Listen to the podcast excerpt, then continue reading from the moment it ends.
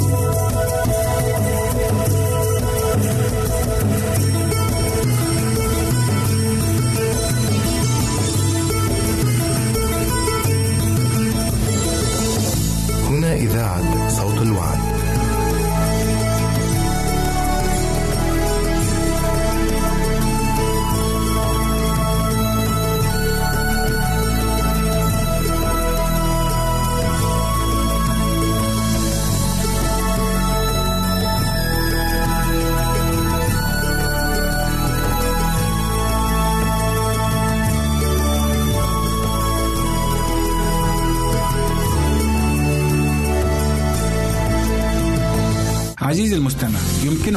مراسلتنا على البريد الإلكتروني التالي Arabic at awr.org العنوان مرة أخرى Arabic at awr.org ونحن في انتظار رسائلك واقتراحاتك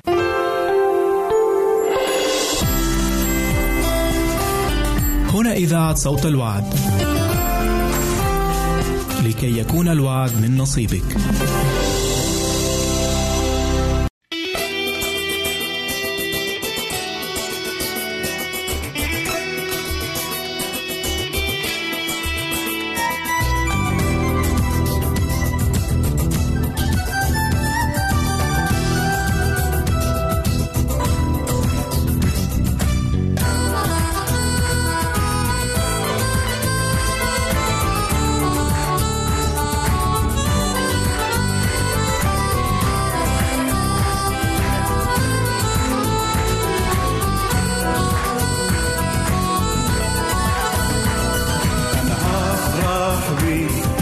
علشان انت بتكفيني أنا ههتف ليك.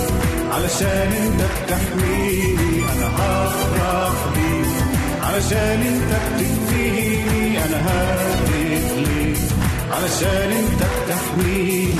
مش مستني يا ربي موقف رح يفرح لي أو مستني كلام هيطمني ويسعدني أو مسنود على ناس.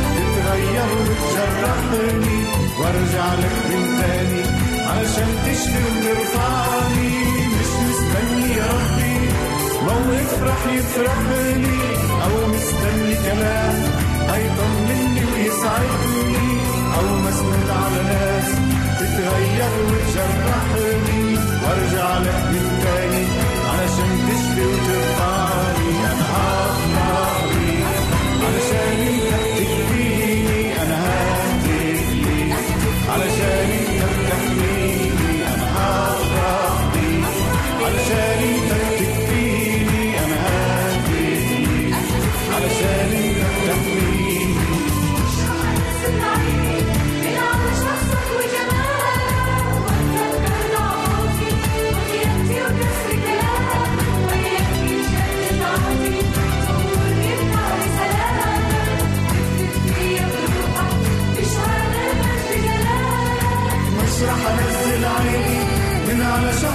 شخصك وجمالك واتذكر معطاتي وخيانتي وكسر كلامك وياك يتجدد عندي تغمرني في نهر سلامك. وتفت فيا بروحك بشهادة المجد جلالك.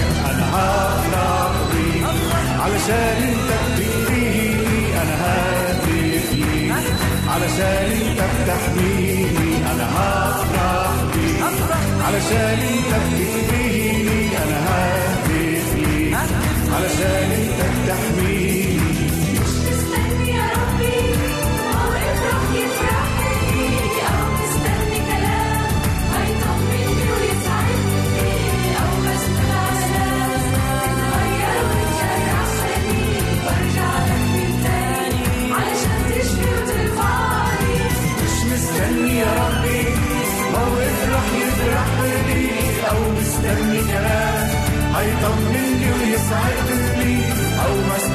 ناس تتغير وتجرحني وارجع لك من تاني علشان تشفي وترفعني أنا هفرح بيك علشان انت بتكفيني أنا ههتف ليك علشان انت بتحميني أنا هفرح بيك علشان انت بتكفيني انت بتحميني مش رح انزل عيني من على شخصك وجمالك. واتذكر ضعفاتي وخيانتي وكسر كلامك. وياك يتجدد عهدي تغمرني بنهر سلامك. وتفت فيا بروحك بشهادة المجد جلالك. مش رح انزل عيني من على شخصك وجمالك. واتذكر ضعفاتي وخيانتي وكسر كلامك وياك يتجدد عهدي تغمرني بنهر سلامك وتفت فيا بروحك بشهادة المجد جلالك. أنا هفرح بيك علشان أنت بتكفيني أنا ههتف ليك علشان أنت بتحميني. أنا هفرح بيك علشان أنت بتكفيني علشان انت بتحميني. مستني أو رح يفرحني أو مستني كلام أو على ناس هتغير وتشرعني وارجع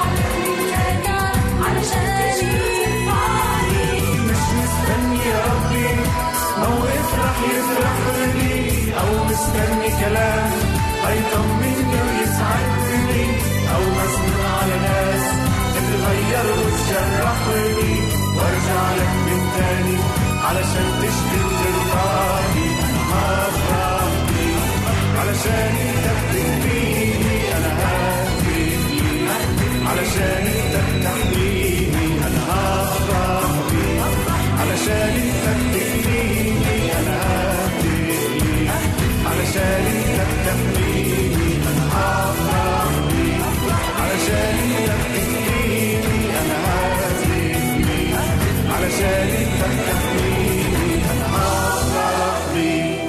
علشان انت بتكفيني أنا ههتف ليك علشان انت بتحميني.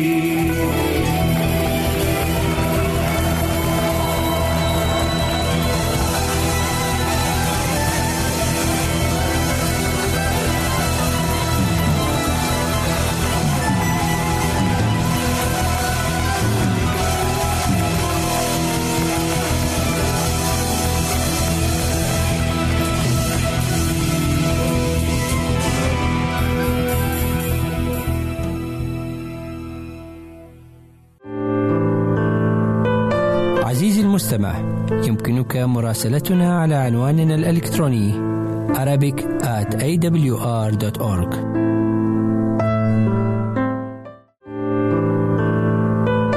عزيزي المستمع يمكنك مراسلتنا على عنواننا الإلكتروني Arabic at awr.org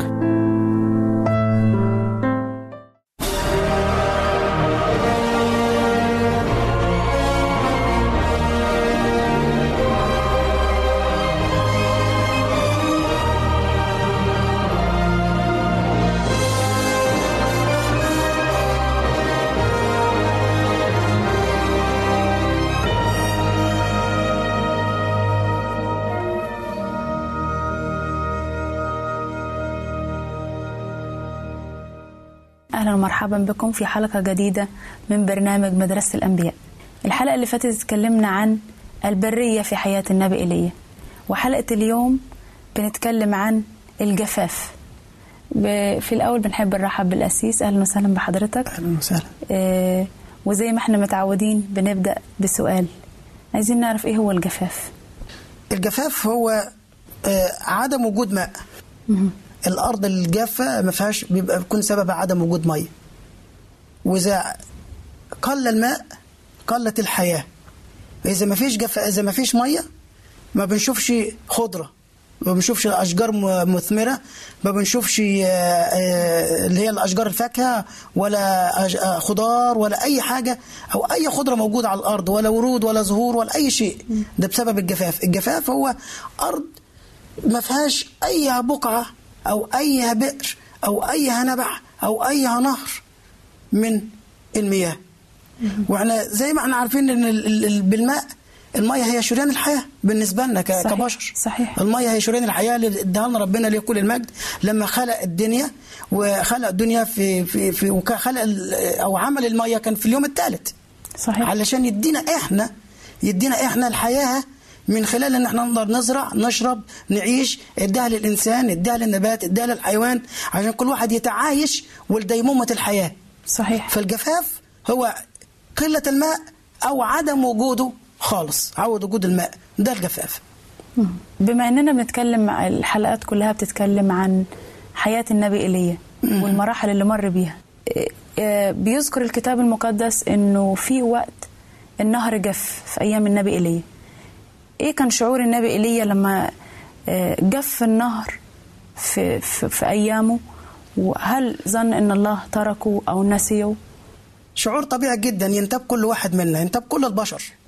نفس شعور ايليا لأن ايليا كان إنسان زينا وكان تحت الألم مثلنا فشعور طبيعي جدا إن هو ممكن يتضايق أو يحزن أو يفكر في يوم من الأيام إن هو مثلا ممكن تناسى أو حصل له عملية نسيان من أي حد أو كان من ربنا مع إنه لأ. ال- الجفاف وعدم وجود المية الإنسان أنا أعرف إن بعض من البشر ممكن يعيشوا على يعني الحد الأقصى 60 يوم من غير أكل. والحد الأقصى بالنسبة أربع أيام من غير بعد كده في أقل في ناس ما تقدرش تعيش بالنسبة عن- للمية. بالنسبة للمية في ناس ممكن بالنسبة للمية يقعدوا أربع أيام. لكن في أقل عن كده. في ممكن يوم ونص بالنسبة للمية في ممكن أسبوع بالنسبة للأكل على حسب قدرات الإنسان. صحيح. فالجفاف ده بيشعر الإنسان. بوجود الجفاف بحزن في قلب الإنسان. اولا مع- مش عارف إن هو هيجي إمتى هيجي ولا ما يجيش. جفاف معناها بيرمز للموت. برضه ما تنسيش ديت. صحيح. إذا في جفاف يبقى معاه في في موت. لأن أنا ممكن ما يجيش خالص المية وممكن أنا معناها مش هقدر أزرع ومعناها أنا مش هقدر آكل وتترتب حاجات كتيرة. فكان برضو شعور ينتاب كل الناس بالحزن زي ما انتاب إيليا في نفس الوقت. بعض من الناس كمان ممكن زي مثلا أسرة من الأسر لما يفقدوا أحد عائل الأسرة اللي بيعولهم إذا مثلا كان موظف إذا مرض آه، إذا آه، اترفض من العمل بتاعه ومن الشركة اللي شغال فيها. إذا جرى له أي شيء آه، لا قدر الله مثلا مش كويس والعيلة فقدته. العيلة دي أحيانا بتشعر إن ربنا نسيها وممكن يسألوا أسئلة يقولوا ربنا راح فين؟ اللي جاب في النهر الحنان بتاعنا وجاب في النهر اللي إحنا كنا بنعيش آه، من خلاله وكان بيقوينا وكان بي بي يعني بيرعانا وكان بيهتم بينا. آه، ممكن شعور ممكن ينتاب جميع الناس في الموضوع دوت. صحيح. لكن الرب مش بينسى. الرب بي لو اتقفل باب بيفتح قدامنا 100 باب. بس أهم حاجة أقولها في السؤال ده ونقطه اخيره فيه أهم حاجة يكون أنا عندي إيمان إن ربنا راح يفتح لي باب. وراح هو يرجع لي ماء الحياة مرة تاني. يرجع لي ديمومة الحياة مرة تاني. قادر يشفيني من المرض اللي أنا فيه ده مرة تاني. قادر يوديني العمل أحسن من اللي أنا كنت فيه مرة تاني. صحيح. ده الإيمان بربنا. هو أهم ما في الحياة هو ماء الحياة كمان. طب ليه الرب بيسمح من الأول ل- لأمور زي كده نقع فيها؟ رغم إننا بنطيعه وبن وبنعيش آه، عيشة ل- مكرسة للرب ليه بيسمح بكده؟ أحيانا الرب بيسمع بالحاجة زي ديت لإنذارنا إحنا. كل ما كتب كتب فهو كتب لإنذارنا وبيسمع من أجل تعليمنا إحنا. في في أشعياء 49 آية جميلة جدا. بيقول لنا إيه؟ أشعياء 49 15 و16 هل تنسى المرأة رضيعة. رضيعة أفلا ترحم؟ ابن. ابني بطنها؟ حتى هؤلاء ينسين؟ وأنا لا أنساك. هو ذا على كفي نقشتك أسوارك أمامي دائما. إذا ربنا إذا كان ربنا بيسمح أو بيسمح بأي تجربة أو بيسمح بأي حاجة تصيبنا أو بأي حاجة تجيلنا زي ما جاب في النهر في وقت إيليا بيسمع عشان خاطر يعلمني أنا درس. يديني أنا حاجة يقول لي خلي بالك إنك أنت هتبعد عني. فأنا بدي لك جرس إنذار. ب- ب- بنبئ- أنبئك بالخطر المحدق بك. أنا عايزك ترجع عنه. يعني بيكون بمثابة إنذار لل- للإنسان. إنذار لكل الناس كمان المؤمنين وغير المؤمنين. ربنا بيسمع بس بالتجربة. هو مش. هو مش بيجيب لنا التجربة زي ما قال في سفر يعقوب. الله غير مجرب. بالشرور شرور. بل يجعل في التجربة المنفذ ربنا بي... بي... ما بيجربناش عمر طب في أيامنا اللي إحنا عايشينها يا سيس مم. هل تعتقد أن نهر ال- القناعة وعدم الرضا جف في أيامنا اللي إحنا عايشينها؟ آه نعم في النهر نهر عدم القناعة وعدم الرضا اللي إحنا فيه في الأيام اللي إحنا فيها دي بالطبيعي آه، جف لأن الناس زي ما قال القديس بولس الرسول لتلميذه تيموساوس اعلم هذا أنه في الأزمنة الأخيرة الناس هيكونوا إيه محبين. محبين للمال متعظمين مستكبرين محبين لأنفسهم غير شاكرين دانسين متعظمين. ما همش انعانين كمان ما عندهمش القناعة. ما جف- فيش رضا ما فيش رضا. صحيح. جف نهر القناعة من الناس. دا دايما ال ال الإنسان عايز دايما دايما. ما فيش مرة يقول لا أنا كده أشكرك يا رب أحمدك اللي, أنا فيه كويس. أنا عايزك بس تحافظ علينا وعلى بيتنا ساعدنا إن إحنا نعيش ليك ساعدنا يا رب إن أنا أرضيك. نهر القناعة إذا جف من حياة الإنسان يفتقد الإنسان لحاجات كتيرة جدا. يفتقد الإنسان مش للقناعة بس ده بالعكس. إذا كان عنده خير هيفتقده هي هيروح منه. هيروح منه الخير لأن هو ما شكرش ربنا على الخير اللي هو فيه. لكن اترك يد الرب القوية تتدخل. زي ما إيليا ما ترك الرب هو اللي اتدخل. والرب اللي أنقذه. والرب وقت جفاف النهر قال له يا إيليا قم اذهب إلى صرفة صيدون. ولأني جعلت هناك امرأة تعولك أنا أنا واثق إن ربنا هو اللي هيجعل حد يعولني أنا واثق إن ربنا هو اللي دخل في وقت الجفاف دوت. أنا واثق ربنا هو اللي هيتصرف في حل في وقت التجربة اللي أنا فيها. أنا واثق إن ربنا هو اللي هيمسك بإيدي وهيرسلني للطريق الصحيح. أنا مش لازم إن أنا أحزن ولازم في نفس الوقت أكون قناعة عندي قناعة بالقليل الذي يعطيهوني الرب وكأنه كثير. القليل اللي بدون ربنا كأنه كتير. خلينا المهم طالما يكون جاي من, من عند ربنا. أرضى باللي ربنا اداهوني. مش أقول طب وليه؟ وش معنى؟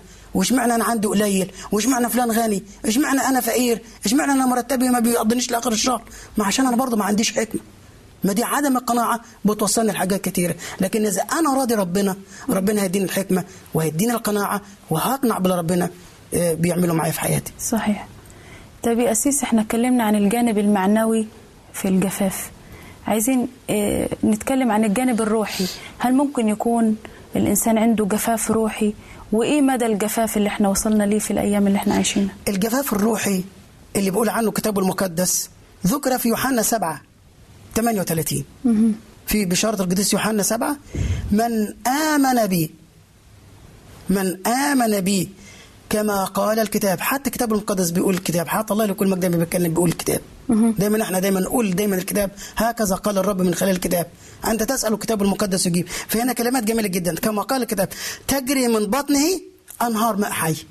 يبقى ممكن نربط دي بالسؤال اللي قبليه على فكرة. صحيح. القناعه الإنسان اللي بيآمن بربنا وبيقنع بالبدور ربنا أساسا هو يكون عنده قناعة وهيدي طب هو الجفاف أحيانا بيكون الجفاف إيه؟ هو الجفاف ان أنا مع قلة مية الاكل اللي هتخلينا ناكل ونشرب وبس؟ لا. الجفاف هو جفاف جفاف عدم الرضا. هو جفاف الروحيات. هو جفاف الانسان اللي ما عادش عنده آه، كلمة طيبة للناس. هو الجف... ال- كلمة ربنا ما تجف من حياة الانسان. هو الجفاف الاصلي. هو ده الجفاف اللي ربنا بيقوله. لأن من آمن بي كما قال الكتاب تجري من بطنه أنهار. أنهار ماء حي. يعني إيه؟ يعني العطشان اللي قدامي أنا هرويه بنعمة ربنا. ياما ناس عطشانة محتاجة لكلمة ربنا. صحيح. ياما ناس جعانة لكلمة ربنا. ياما ناس ما بتشعرش بالسلام ولا يهدأ لها نوم ولا بال لأنه بعاد عن كلمة بعاد عن كلمة ربنا. أصل ده جفاف روحي. إحنا لما نيجي نتكلم عن الجفاف في عصر إيليا ليه ربنا سمح بالجفاف في عصر النبي إيليا؟ هل عشان كان ايليا مش راضي ربنا لما قعد جنب النهر؟ ده بالعكس ده بسبب الحالة السيئة اللي سادت في الوطن في الوقت دوت اللي سادت في البلاد بسبب الحالة الرضية من الخطية. فعم الجفاف الروحي قبل ما يعم الجفاف الأرضي. فقال لهم لا أنتوا عندكم أساسا جفاف روحي. ارجعوا ارجعوا للينبوع الحي لأن هو الله هو النبع الحي. يعني هو ينبوع الماء الحي زي ما قال المسيح للمرأة السامرية. فالناس كان عندهم جفاف. مفيش محبة. صحيح. مفيش قناعة. مفيش رضا. مفيش سلام. في خوف وفي قلق. حاجات كتيرة في حياة الناس الناس مش راضين عنها. وليه ده كله؟ لأنهم يفتقدوا إلى كلمة الله. كلمة ربنا مش مش في حياتهم. فربنا قال له يا ايليا الناس حاليا دلوقتي قبل ما هم يكونوا محتاجين إن إحنا ننزل لهم مية الناس محتاجين يرجعوا ليا. لأن عندهم جفاف في روحهم. وصلوا لدرجة الجفاف الروحي. الناس ما عادش في افواههم كلمة ربنا ولا تمجيد لاسم الله. كل ما في حياتهم البعل والوثن والمال والشهرة والسلطة. يعني هل تقصد يا أسيس أنه عدم الذهاب للكنيسة ومشاركة المؤمنين في العبادة ده بيوصلنا للجفاف الروحي؟ طبعا. آه، آه، أحيانا الناس كتيرة بي- بيقولوا في في النقطة ديت أنا أكتفي بال- بال- بما عندي. أنا أنا ب- بتفرج على قنوات دينية كتيرة في البيت. أنا أقعد وأشغل القناة كفاية إن أنا أسمع ترانيم وبسمع وعاظ وأنا ما أروحش الكنيسة لأني بتعثر آه لكن بيقول لنا الكتاب المقدس غير تاركين اجتماعنا كما لقوم كما. لقوم عادة صحيح. جماعة المؤمنين مع ربنا بيكون فيه دفء فيه شبع فيه ملء فرحت بالقائلين لي إلى بيت الرب نذهب. نذهب ويرجع يقول لنا مرة ثانية آية جميلة جدا ما أجمل وما أحسن أن ي- يجتمع الإخوة معا. معا. فعايزنا نجتمع نقعد مع بعضنا. عايزنا نقعد نص... نفرح بالرب. عايزين نتلذذ بالرب. هو قال لنا مرة ثانية تلذذوا بالرب فيعطيك سؤال قلبك. فهنا بالطريقة ديت يزول الجفاف ويعم الخير. يزول تزول عدم القناعة وتعم الرضا. يروح الخوف وتسود الطمأنينة. يكون أنا في راحة وسلام ويعم الاستقرار كمان. ليه؟ لأن أنا شبعت بالرب. لأن أنا اتلذذت. اتلذذت بالله. فعشان كده كل اللي ما بيروحش الكنيسة أو اللي ما بيروحش يعبد ربنا أو اللي ما بيصليش ربنا من كل قلبه أيا كان هذا الإنسان أنا أقول له بنعمة الله ارجع.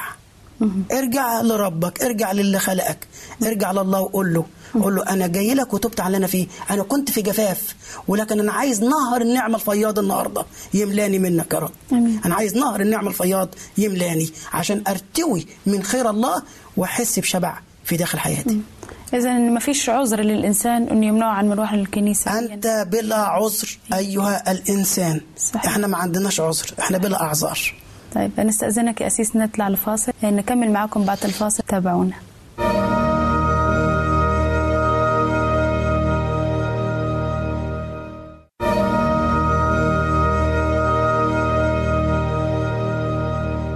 أهلا وسهلا بكم. مرة أخرى بعد الفاصل ونعود لنكمل حديثنا عن الجفاف. آه، أسيس عندنا سؤال. آه، بنقول هل ينذرنا الرب قبل أن نصل إلى مرحلة الجفاف ولا ممكن يسيبنا لغاية ما نوصل لمرحلة الجفاف وبعدين آه، يدينا جرس الإنذار زي ما إحنا بنقول؟ الله دايما بينذرنا وبيبعت لنا أنبياء وبيبعت لنا رسل وعندنا كلمته اللي بتنذرنا. بأن أنا هوصل لمرحلة الخطر إن أنا هوصل للجفاف. ولما بوصل للجفاف بكون أنا السبب. لأن الله زي ما ذكر في حسقيال لا يصر بموت الشرير. مش بيتبسط إن الشرير يموت. بل برجوع عن خطاياه فيحيا. تعال للرب والرب هو اللي هيحييك. عندي آية حلوة قوي في سفر أشعياء 30 10 11 ليه بنوصل لمرحلة الجفاف؟ نسبة نسأله كان ربنا بينذرنا ولا لا. بس ده بيبقى بناء عن طلبنا إحنا. إيه الطلب بتاعنا؟ آه بيقول لا تنظروا لنا مستقيمات. أنا عندي اللي أنا ماشي عليه مش عايزك. كلمونا بالناعمات. انظروا مخادعات. حيدوا عن الطريق. ميلوا عن السبيل. أعزلوا من أمامنا قدوس إسرائيل. هل ده مش مرحلة سيئة جدا. عشان كده ربنا بي. بيبعت الإنذار. صحيح. هنجاوب نفس السؤال. ولكن الرب بي... تيموثاوس بيك... بي... على فم بولس بيقول الرب على فم بولس بيكلم تيموثاوس بيقول له إيه؟ آه بيقول له كلمة برضو جميلة جدا. أكرز بالكلمة. انذرهم. اعرف الناس إنهم مشوا غلط. أكرز بالكلمة. اعكف على ذلك في وقت مناسب وغير مناسب.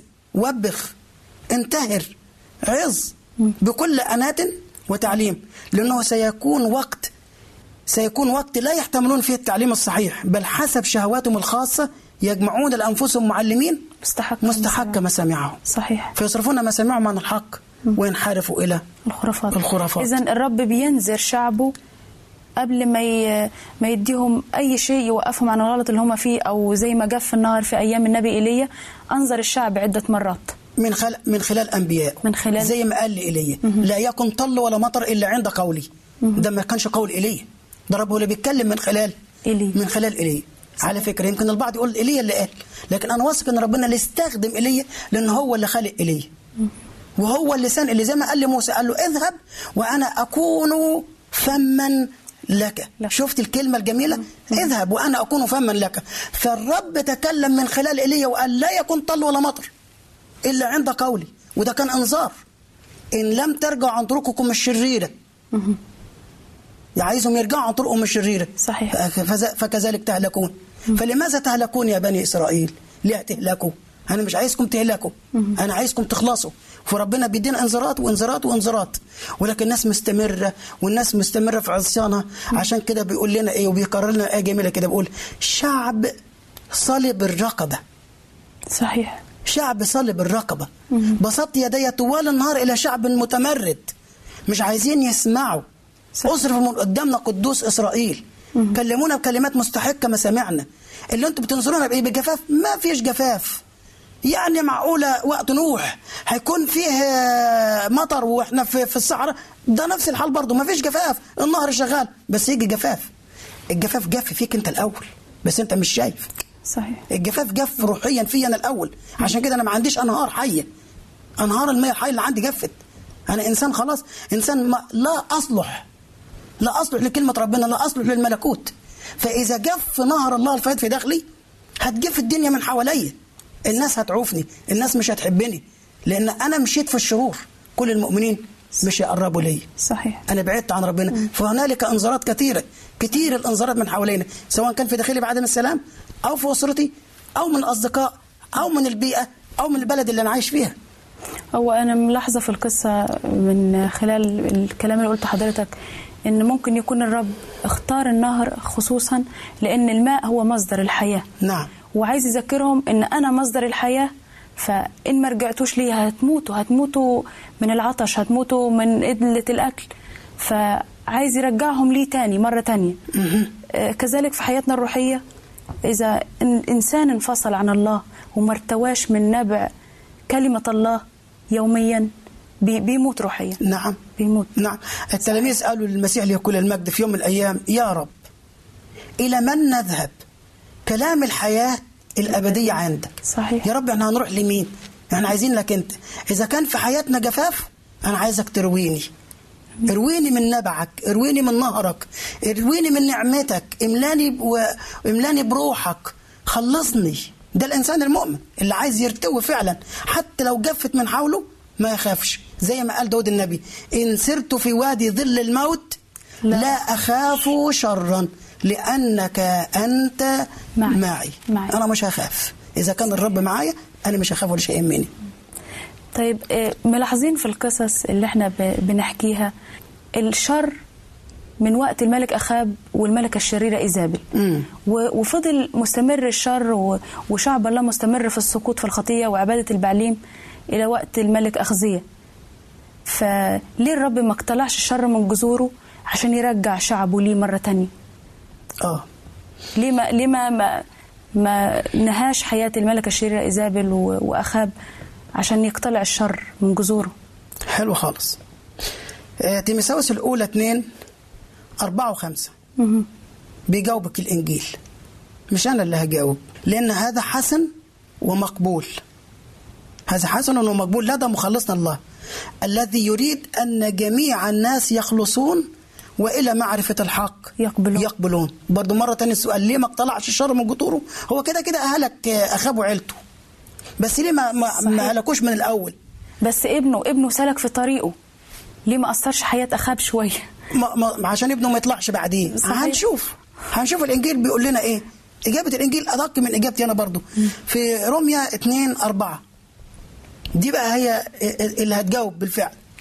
أم تستهين بغنى لطفه؟ وإحنا بنستهين بغنى لطف ربنا. أم تستهين ب... أم تستهين بغنى لطفه وإمهاله وطول آناته؟ إنما إيه؟ غير عالما.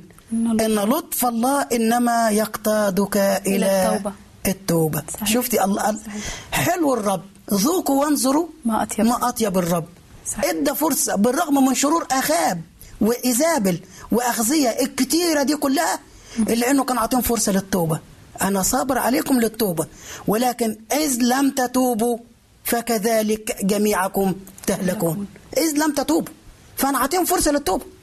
هم ما تابوش. طب نكمل نكمل بقى الايه ولكنك من أجل قساوتك. أنا بقى أحط اسم أخاب هنا وأحط اسم اخزيه وأحط اسم إيزابل وأحط اسم كل واحد من أعزائي المشاهدين اللي مش عايز يرجع لربنا مثلا لأن الكتاب هو اللي بيقول. من أجل قساوتك. وقلبك غير التائب. تعمل إيه؟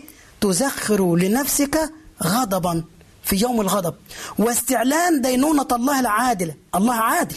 دينونة الله العادل الذي سيجازي كل واحد حسب عمله. أظن كده لو في أي واحد عنده أي سؤال أتمنى يكون اتجاوب من الناحية ديت. ليه؟ فيها فيها كذا نقطة. أول حاجة ربنا اداهم فرصة. صحيح. هو ربنا مش قادر كان يموتهم زي ما كان ما في الحال ما استجاب لإيليا وموت الخمسين. صحيح. ها؟ كان قادر. لكن ليه؟ اداهم فرصة. توب. توب يا يا- توب يا أخاب. توب يا إيزابل. توب يا أخزية. ليه أنت سلكت في طريق الشر بتاع أبوك؟ والنهاردة بيتكلم لكل واحد وكل شاب. والكل شاب. إذا كان حد من العيلة إذا كان أي صديق ليك ما, ما, ما تمشيش في طريق الشر. في طريق الخطاة لم تقف وفي مجلس المستهزئين لم تجلس. لكن في ناموس الرب مسرته وفي ناموسه يلهج نهارا وليلا. ليه؟ فيكون كشجرة مغروسة عند مجاري المياه التي تعطي ثمارها في أوانه وورقها لا يذبل ده هو ده الإنسان الصالح. اللي بيدور على إن مش عايز نهر نعمة الله الفياض يجف من حياتي.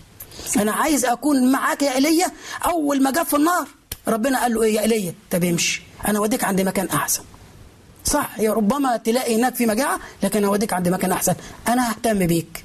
وإحنا عايزين ربنا هو اللي يهتم بينا. إحنا النهارده ساعات بنهتم إحنا بنفسنا. وعشان كده قال لنا لا تهتموا لحياتكم بما تأكلون أو لأجسادكم بما تلبسون. الحياة أفضل من اللباس؟ شفت قد إيه؟ هو مهتم بينا. أكتر من العصافير ومن زنابق الحقل اللي كانت بتلمس ولا سليمان في كل مجدي الرب كان بيعولها كان بيقوتها. إحنا ساعات بجف الجفاف الروحي بيخليني أشعر بضيقه في حياتي. ممكن تكون ضيقة مالية ممكن تكون ضيقة نفسية ممكن تكون ضيقة صحية وعكة صحية الواحد بيمر بيها. وده بسبب الجفاف الروحي اللي حصل في حياتي أنا الأول. والرب يبارك كل واحد منا. طب يا أسيس آه، في النهاية بما إننا بننهي إيه أه. الرسالة اللي عايز توصلها لهم؟ أقول له أوصل لرسالة آه، رسالة الله مش رسالتي أنا. أنا مجرد آه، مجرد إن أنا بوصل بس كلمة ربنا. أقول لهم اقتربوا إلى الله يقترب إليكم. ارجع لربنا. بكل قلبك وبكل فكرك. وحب ربنا من كل قلبك ومن من كل فكره وقربك مثل نفسك. مش هيجيب في نهر النعمة بتاع ربنا من حياتك.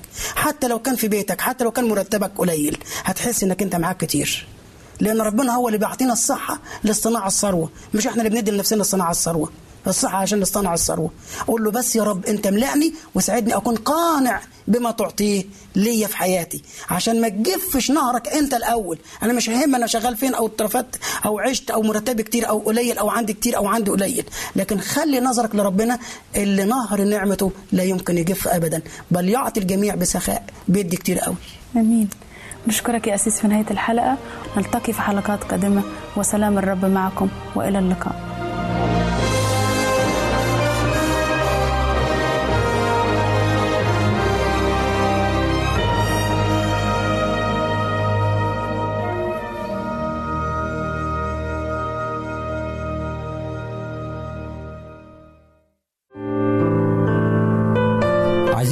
المستمع. يمكنك مراسلتنا على عنواننا الإلكتروني Arabic at awr.org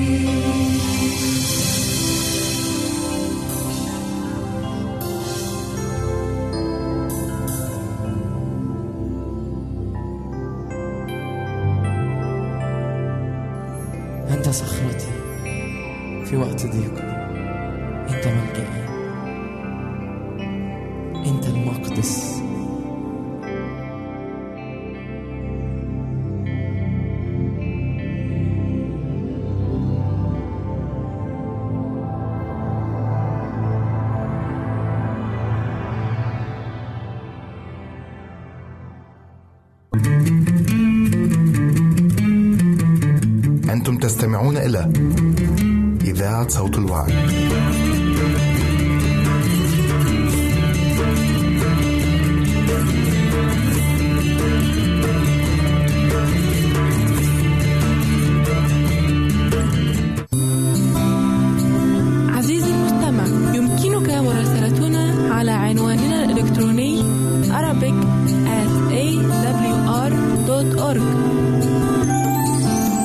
عزيزي المستمع أهلا ومرحبا بك في حلقة جديدة من برنامج عمق محبة الله.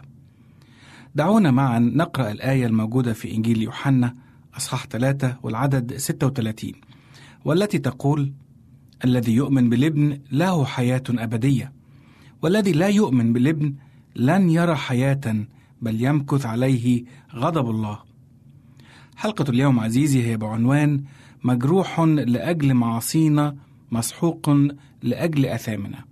ابقوا معنا. أعزائي المستمعين، دعونا في البداية نطرح هذا السؤال الهام. لماذا جاء المسيح إلى العالم؟ وهل كان من الضروري أن يموت عنا على الصليب؟ الجواب هو كما نعلم من الكتاب المقدس أن أجرة الخطية هي موت. وبما أننا جميعا أخطأنا كان يتحتم علينا أن نموت. ولكن الله يحبنا محبة عظيمة لذلك أوجد الله كفارة لخطايانا وبديلا عنا. قدم السيد المسيح حياته لكي يفدينا طوعا وبإرادته لكي نحيا نحن بل تكون لنا حياة أبدية. إن كل شخص في نظر الله أغلى وأثمن من كل كنوز العالم. لذلك فقد وعدنا السيد المسيح بالهبة المجانية للخلاص.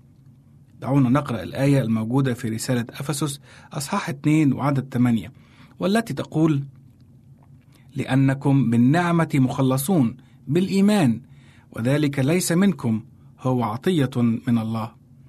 هل تعلم عزيزي المستمع أن آلام السيد المسيح لم تبدأ بتجسده وأخذه لصورة بشريتنا وبداية حياته على الأرض؟ ولكن في الحقيقة إن آلام السيد المسيح بدأت في السماء. عندما استطاع الشيطان أن يوقع بثلثي الملائكة في الخطية بعد أن عصوا الله. ومن هنا بدأ عمل الشيطان على الأرض وبدأ بإيقاع أبوينا آدم وحواء في الخطية وهما ما زالا بعد في جنة عدن. ومن بعدهما نسلهما. لقد ورث كل نسل آدم وحواء الطبيعة الساقطة. فتقول كلمة الله في رسالة روميا أصحاح 3 وعدد 23 إذ الجميع أخطأوا وأعوزهم مجد الله. وهذه الطبيعة الساقطة استمرت إلى أن ولد السيد المسيح ومنها بدأت خطة الفداء. ونتيجة لذلك أعد وأوجد الله طريقة لكي يخلص بها الإنسان من جراء عقاب الخطية والموت. فأرسل ابنه السيد المسيح إلى العالم لكي يأخذ قصاص الخطية بدلا عني وعنك. لقد كانت خطة الفداء معدة قبل تأسيس العالم وذلك لعلم الله الشامل بالمستقبل. دعونا نقرأ هذه الآية في رسالة بطرس الأولى أصحاح واحد وعدد عشرين. معروفا سابقا قبل تأسيس العالم. لقد أخذ السيد المسيح عقابنا ودفع ثمن خطياتنا فيقول النبي أشعياء في سفره أصحاح 53 وعدد خمسة وستة مجروح لأجل معصينا مسحوق لأجل أثامنا تأديب سلام عليه وبحبره شفينا. كلنا كغنم ضللنا ملنا كل واحد إلى طريقه والرب وضع عليه إثم جميعنا. هل أدركت الآن عزيزي المستمع مدى عمق محبة الله لك؟ لقد قدم السيد المسيح نفسه على الصليب من أجلي ومن أجلك طوعا وباختياره. ذبيحة حية مرضية أمام الله وأيضا أمام الناس. لقد هزم السيد المسيح الشيطان على الصليب ودفع عنا عقاب الخطية. سفك المسيح دمه الطاهر الثمين من أجل خطاياك ومن أجل خطاياي حيث تقول الآية في سفر العبرانيين أصح 9 وعدد 12 بدون سفك دم لا تحصل مغفرة. السؤال هنا لماذا اختار الله السيد المسيح بالذات كفارة لخطايانا؟ لأن موت أي إنسان عادي أو موت أي ملاك من ملائكة السماء أو موت أي نبي من الأنبياء لا يستطيع أن يكفر عن خطايا البشر. وذلك لأن دم المسيح وحده الذي سفك على الصليب هو دم الله المتجسد. لقد كان الاتحاد بين اللاهوت وناسوت السيد المسيح هو الذي أعطى هذه القيمة للكفارة. فإذا لم نعترف بألوهية السيد المسيح لفشل العمل الكفاري ولظل كل الناس تحت وطأة الخطية وتحت حكم الموت. لذلك فألوهية المسيح جعلت للكفارة قيمة حقيقية. ويخبرنا الكتاب المقدس في رسالة روميا أصحاح 6 وعدد 23 لأن أجرة الخطية هي موت وأما هبة الله فهي حياة أبدية بالمسيح يسوع ربنا. فكل الخطاة هم تحت حكم الموت. وعليهم إما أن يموتوا بسبب خطاياهم في يوم الهلاك وإما أن يموتوا عنها في المسيح على الصليب. إما دمهم أو دم المسيح. ليس هناك من طريقة أخرى. فمن محبة الله للإنسان اختار المسيح أن يذوق الموت عنا. نحن الخطاة وهو الذي لم يعرف خطية حمل ثقل خطايانا. لقد أخذ المسيح مكان الخاطئ. ونقرأ هذه الكلمات في رسالة بولس الرسول إلى كورنثوس الثانية أصحاح خمسة وعدد واحد وعشرين. لأنه جعل الذي لم يعرف خطية خطية لأجلنا لنصير نحن بر الله فيه. لقد عومل السيد المسيح بالمعاملة التي نستحقها نحن وذلك لكي نعامل نحن بالمعاملة التي يستحقها هو. فتحمل المسيح آلام الموت التي كانت لنا لكي نتمتع نحن بالحياة التي كانت له هو. نعم عزيزي لقد مات المسيح من أجل خطايانا أنا وأنت. دعونا نقرأ الآية الموجودة في سفر أشعياء أصحاح 53 والأعداد من 3 إلى 6 والتي تقول محتقر ومخذول من الناس رجل أوجاع ومختبر الحزن وكمستر عنه وجوهنا محتقر فلم نعتد به. لكن أحزاننا حملها وأوجاعنا تحملها ونحن حسبناه مصابا مضروبا من الله ومذلولا. وهو مجروح لأجل معاصينا مسحوق لأجل أثامنا. تأديب سلامنا عليه وبحبره شفينا. كلنا كغنم ضللنا ملنا كل واحد إلى طريقه. والرب وضع عليه إثم جميعنا. عزيزي المستمع لقد دفع وسدد السيد المسيح الدين عنا على الصليب. لا بذهب ولا بفضة ولا بمال ولا بكنوز العالم بل فدانا بدم كريم ثمين كما من حمل بلا عيب ولا دنس. هل علمت الآن عزيزي المستمع كم تساوي أنت عند الله؟ وهل علمت قيمة العطية التي دفعت من أجلك أنت حتى تخلص؟ عزيزي المستمع هل تقدر عمل السيد المسيح على الصليب من أجلك؟ وهل تقبله كمخلص شخصي لحياتك؟ ليتك تقبله الآن. في الختام دعونا أعزائي نقرأ معا الآية الموجودة في إنجيل يوحنا أصحاح 3 وعدد 16 والتي تقول: لأنه هكذا أحب الله العالم حتى بذل ابنه الوحيد لكي لا يهلك كل من يؤمن به بل تكون له الحياة الأبدية. وإلى اللقاء في حلقة جديدة من برنامج عمق محبة الله. كان معكم في هذا اللقاء أمير غالي والرب معكم. عزيزي المستمع يمكنك مراسلتنا على عنواننا الإلكتروني Arabic at awr.org